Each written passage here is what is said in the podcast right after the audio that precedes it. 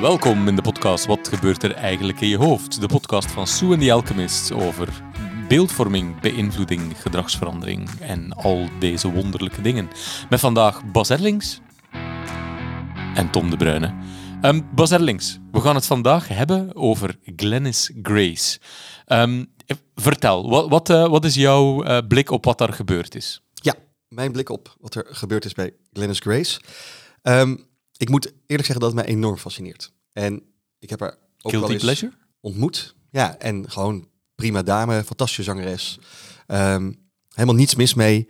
En als je wat er nu natuurlijk gebeurt terugbrengt tot de basis, dan hebben we hier een dame uit de Jordaan die um, door haar zoon, uh, haar, haar zoon kwam, uh, kwam wat gehavend thuis, heeft niet helemaal het eerlijke verhaal verteld, moeder instringt en uh, Jordaan verleden spelen op en ze gaat in de winkel om verhaal te halen. Dat loopt een beetje uit de hand. Super vervelend, maar je zou denken dat is iets wat je als artiest kunt overleven. Zeg Want maar. iedereen herkent het dat hij zijn kind wil beschermen wanneer hij het gevoel heeft dat onder. En je, en je te ver gaat. En ik kan uh, ongeveer 25 uh, rocksterren noemen uit het verleden die dingen gedaan hebben die duizend keer erger waren en stadions vullen.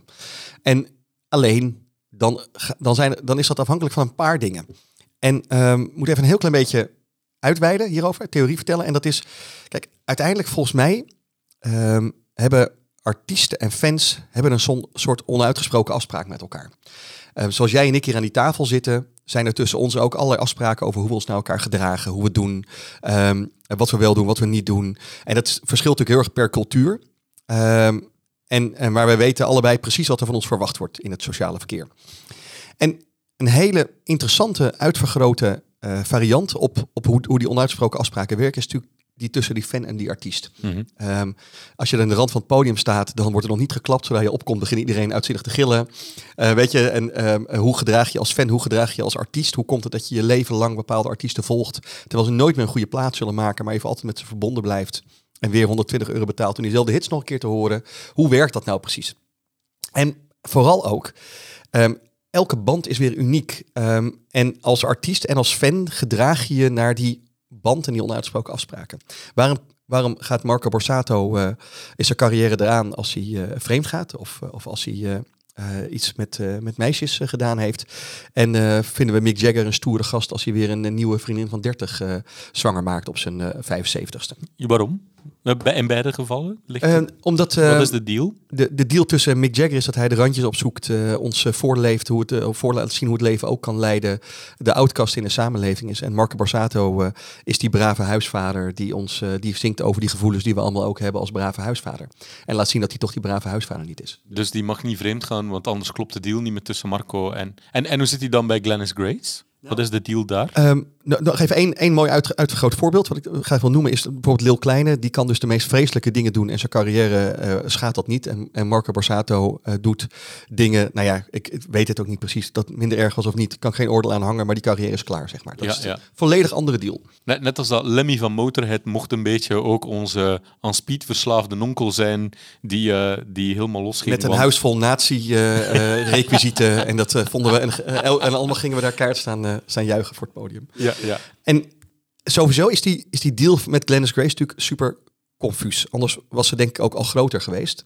En uh, die, die deal is niet helemaal duidelijk. Um, en die is nooit helemaal duidelijk gedefinieerd, denk ik, haar deal. En dat is natuurlijk waarom ze, als ze Whitney Houston ding doet, ze Ahoy kan uitverkopen. Maar op haar eigen repertoire niet, zeg maar. Want dan, als Whitney Houston weten we weer wat de deal is, wat ze ons gaat geven die avond. En zelf weten we dat eigenlijk niet, zeg maar, als ze als, als zichzelf. Dus, dus als ze een hit heeft, dan gaat het goed met haar. Uh, iedereen kent haar, iedereen vindt dat ze heel mooi kan zingen. Um, ze zal zeker goed, ge, goed geboerd hebben, maar ze, ze, nee, ze is natuurlijk niet zo groot als sommige anderen. Dus ze heeft nog geen identiteit of geen specifieke band waar ze voor staat? Ik, ik kan hem in elk geval moeilijk noemen. Of in elk geval zit daar dus al een soort discrepantie in. Of misschien uh, vonden mensen het al moeilijk of hadden ze altijd al het gevoel dat dat Jordaan-kantje ook bij haar eraan zit, wat ze al moeilijk vonden, zeg maar. Uh, daar, dat is in elk geval niet helemaal duidelijk. Alleen, alleen de Jordaan vindt de Jordaan te, te, te verdragen. Ja, ik weet, ik weet dat dus niet zo goed. Ja, ja. En, um, en wat er dus nu gebeurd is, is allereerst dat zij dus iets doet. Zij probeert natuurlijk naar buiten toe. Presteert zich natuurlijk altijd wel als die, als die vriendelijke, nette dame die heel mooi kan zingen, die op je bedrijfsfeest kan hebben, die mooie liedjes zingt en die jou wil ontroeren met haar echte emoties. Nou, mensen voelen dan misschien al wel een klein beetje dat dat niet altijd de soort emoties dat, dat, waar ze zelf enthousiast van worden. Ehm, en dan nu laat ze dus ook nog zien dat, ze, dat die dame die zich kwetsbaar opstelt, de gevoelige liedjes zingt, dus ook gewoon een keihard, snoeiharde eh, kant heeft. Waardoor dus ineens dat niet past en iedereen denkt, zie je wel, dat voel ik al wel, heel hard gaat lachen en het allemaal wel heel grappig vindt wat daar gebeurt. Ma- Maar ik heb jou in, in vorige podcast ook al ooit horen zeggen van de echt interessante artiesten die hebben juist twee kanten. Op welke manier is die, is die duistere kant van haar dan, dan eigenlijk toch niet te vreten? Ja, dat is een hele interessante. Ehm, en er zou dus meer in moeten duiken, hè, want ik weet dat dus niet, maar mijn aanname is dat ze hem zelf die andere kant ontkent of zo en niet omarmd heeft. Weet je wel, zoiets. Ja, ja. Dat hij daar zit. Ja. Ehm, nou ja, en ze had dus groter kunnen zijn al. Ehm, als, als, die, als die, die deal duidelijker geweest was. En ondertussen is dus nu één kantje dat ze volledig uitvergroot. En, en dan dus eigenlijk dat nu ook, zeg maar, dat kantje dus de hele ontkent. Ehm, maar goed, dit kan dus gebeuren. En ik denk dus dat je hier makkelijk doorheen kan komen. Er zijn genoeg popartiesten, eh, eh, politici, andere bekende Nederlanders. Waar we vaak herinneren we het ons niet eens meer. Want het is gewoon goed aangepakt. Die daar prima mee wegkomen. Maar wat je daarnaast gezien hebt, ik denk, ze heeft volgens mij drie grote dingen gedaan daarnaast. Allereerst heeft ze, eh, zit het op een bed een verklaring ingesproken. Ze is naar Jinek gegaan en we hebben dus nu de rechtszaak gehad. En ik denk die verklaring op het bed, dat die prima was. Daar, zag je, daar zat een hele mooie reframe. Daar zat ze eigenlijk, probeerde ze die deal weer te herstellen door te zeggen, mijn moederinstinct heeft het overgenomen. Ja, ja, en dan denkt ja. iedereen, Ah. ja, dat gebeurt me ook wel eens. ja, ja, ja. Ehm, en natuurlijk nog niet, we geloofden het nog niet meteen, we lieten haar niet er meteen mee wegkomen. Maar wel, ah, ja, ach, ja, ja, ja, oké. ja. Dit is wat moeders doen. Nou, daarna hadden we dus dat optreden bij, eh bij Jinek. En dat optreden voelde natuurlijk al wel heel erg getraind. Zeg maar, voelde niet helemaal echt wat daar gebeurde. En dan gaan mensen dus, eh, willen dan je vaak het voordeel van de twijfel geven. Al kreeg ze hier wel echt al wel veel kritiek op. Maar dan zie je wel dat mensen denken, we gaan het zien wat er gebeurt. Ehm, maar als je dit doet, eigenlijk normaal gesproken krijg je één kans. Heeft nu dus eigenlijk al twee dingen gedaan. Maar als jij sorry gaat zeggen, is, heb ik altijd geleerd, moet je, dat, moet je all the way gaan. Ja. Eigenlijk is het zo, als, jij zo, als er zoiets gebeurt, moet je, eigenlijk zit je op je knieën en moet je zo hard je excuus aanbieden dat anderen zeggen, nou, zo erg was het ook Ja, weer niet, ja. sta maar op. Dan moet er een soort nederigheid in zitten. Want, want meestal is eigenlijk de sorry is een verkapte sorry voor al de ophef die... Ik heb heel veel spijt van de ophef die ontstaan heb, maar ik heb niet echt spijt van eh, de zonde die ik gepleegd heb. Nee, en, en ook als je dan zelf alweer opstaat, dus een tour, een tour gewoon gaat doen en dan zegt, nou, de zalen zitten eigenlijk best vol, dus er is niet zoveel in de hand. Weet je, als je het zelf gaat bagatelliseren, dan, dan geef je mensen eigenlijk niet de kans om jou weer Ja, een ja. hand te geven en op te laten staan. Je moet mensen de kans geven om het zelf te doen. Zij moeten het doen, ja. Ja, ja. Nou, en als dan vervolgens die rechtszaak is en je komt daar aanlopen, je praat niet tegen de media. Dus je stelt je weer heel defensief op en schuldig op. En eigenlijk precies de Glennis die mensen niet willen zien. En vervolgens tijdens die rechtszaak blijkt het dus erger te zijn dan waar je voor je sorry gezegd hebt tot dan toe een tv-programma. Dus het is dat eigenlijk in die rechtszaak minder erg moeten zijn dan wat ze bij Jinek gezegd had. Maar nu is het erger dan wat ze... Wa- Want, waarom was het erger? Nou, er waren meer dingen gebeurd dan die ze gezegd had. Ja, dus het ja. was niet alleen een hand in het gezicht. Het was ook echt super agressief gedrag. Ze was er degene niet die er de boel aan het sussen was. Er was ook nog een knietje of een trap uitgedeeld. Er zou nog een bedreiging zijn geweest. Of die nou wel of niet waar is. Dat is nou wel het verhaal dat nu gaat. En ze wist dat hij zo'n loog. Ja, en, en die beelden lieten ook nog zien dat het wel echt een hele agressieve overval, eh, takeover van die winkel was, zeg maar. Dus het was eigenlijk erger dan wat ze gezegd had en niet minder dan dat ze gezegd had. En dat is denk ik de laatste doodsteek waardoor je mensen, het voor mensen echt onmogelijk maakt nog om jou weer de kans te geven om op te staan. Wa- Wat is jouw hypothese van wat, wat bezielde haar om die domme tweede zet te doen door bij Jinek aan tafel te gaan? Wie, wie moet dat hard ingefluisterd hebben? En moet die persoon in de knieën geschoten worden? Dat, dat weet ik niet. Volgens mij zitten er best goede mensen om haar heen. Mhm. Ehm, ik ken, ken er één iemand van en, en die is echt heel goed. Ehm, en dus Maar zou die dat ook aangeraden hebben? O- Weet ik niet. Nee, Ja. dat weet ik echt niet. Ehm, maar wat er natuurlijk gebeurt in zo'n dynamiek is ofwel zij vertelt niet alles. Ofwel stukje bij beetje wordt het je duidelijk. We weten natuurlijk allemaal als je er middenin zit. In les nummer één is altijd externe hulp erbij vragen. zeg maar, dat je het zelf niet meer je fris ziet. Ja. Of je bent naar je advocaat te gaan luisteren. Van als je dit allemaal zegt, dan kunnen we, hebben wij in de rechtszaal niks meer om, om nog te ontkennen of te gebruiken. Dan is het ook zo. Maar in elk geval ehm, is hier naar de foute mensen geluisterd. Of is niet alle informatie gegeven. Ehm, en, en door deze opeenstapeling...